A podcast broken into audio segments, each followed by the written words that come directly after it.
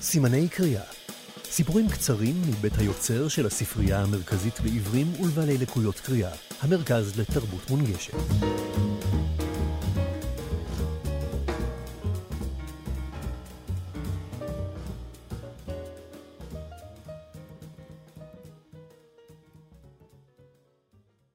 תחרות ריצה, מאת מורדי חנני.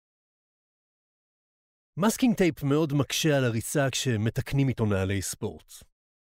ליפפתי כמה סיבובים מסביב לרגל ימין, אבל הוא גרם לי לצליעה ולכן ליפפתי עוד כמה ליפופים מסביב לכף רגל שמאל, כדי שיהיה מאוזן.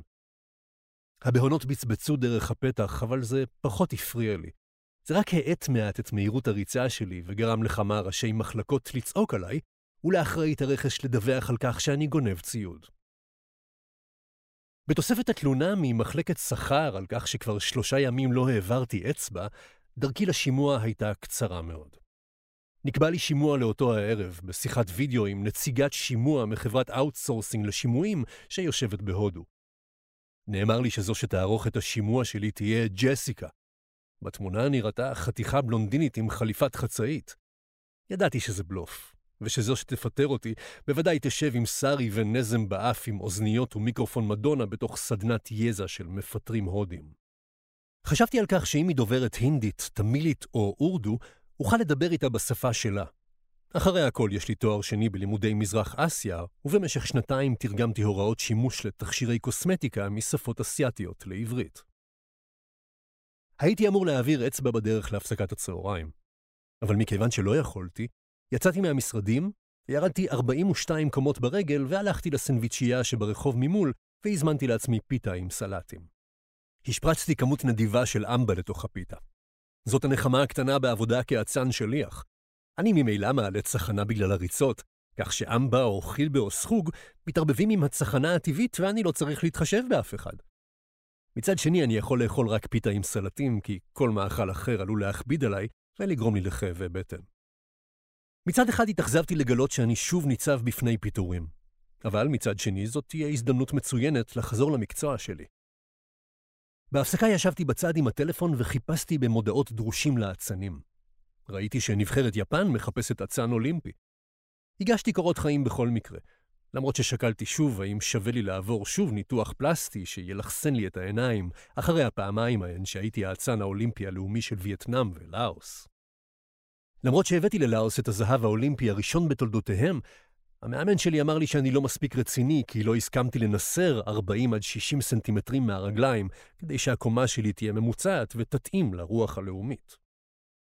באשר למודעת דרושים של נבחרת טנזניה, לא הגשתי מועמדות מראש.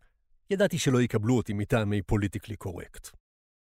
מודעת דרושים אחרת לאצנות חיפשה אוספי כדורי ברזל למשלחת הודפי כדורי הברזל הלאומית של ארמניה. שוב התלבטתי האם לשלוח קורות חיים. הרי למה לי ללכת לאסוף כדורי ברזל ולהסתכן בזעזוע מוח אם כבר הייתי אצן אולימפי בעצמי? מצד שני זאת תהיה הזדמנות לצמוח בארגון הספורט הארמני, ואולי להיות שוב אצן לאומי. מודעה אחרת גרמה לי לשלוח קורות חיים ולקוות שאזומן לראיון בהקדם. זה היה צוות האצנים של זק"א, שמגיעים למקומות אסון שהמשטרה סוגרת בפניהם את הכביש ואמבולנסים או אופנועים לא יכולים להגיע אליהם. אולי זאת תהיה הזדמנות בשבילי להשתמש בדיפלומה שיש לי ברפואה.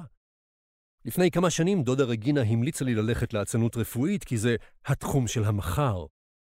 ואני נרשמתי ללימודים, סיימתי את הסטאז' אבל כבר לא היה לכך ביקוש. אולי עכשיו אוכל לנצל את ההזדמנות ולעזוב את חברת השליחויות. התנחמתי בכך שאעזוב את חברת השליחויות. הם לא באמת היו צריכים אצנים מקצועיים.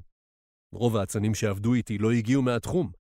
רק במחלקה שלי יש אצן אחד שסיים לימודים בבית צבי, ובריאיון העבודה אמרו לו, תחשוב שאתה כמו בסרט ואתה צריך לגלם אצן.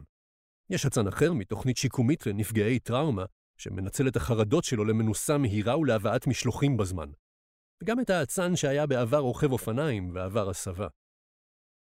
עם זאת הרגשתי מעין חמיצות על כך שעומדים לפטר אותי. כבר חצי שנה אני מתרוצץ מתשע עד שבע, פשוטו כמשמעו, מעביר משלוחים בריצה. לעתים מתבלבלים וחושבים שאנחנו חברת תובלות, כך שאני צריך לרוץ עם מקרר על הגב או עם פסנתר. אפילו טיפ לא משאירים לי. כשהאחיין של הבוס התמנה לנשיא פרגוואי, שלחו אותי לגרוף עבורו את המקום הראשון באירופה בריצת 100 מטרים. אבל הורידו לי את הנסיעה מימי החופש, ולא אמרתי כלום. כשהמקלחות יצאו מכלל שימוש והבטיחו לנו שיתקנו אותן, אבל במקום זאת משכו צינור מהגינה עם מים קרים, לא עשינו שום דבר. וכעת, עומדים לפטר אותי. אפילו כששמעו שהייתי מעצב גרפי וביקשו שאעצב להם פליירים חינם, לא ביקשתי תוספת תשלום. גם כשביקשתי יום חופש ביום הולדת של הבת, ובדיוק אחד האצנים האחרים הבריז, הגעתי בלי בעיה. וגם כשמנהלת כוח האדם הייתה מצוננת והיה צריך להחליף לה את עמוד השדרה, עשיתי את זה בשמחה.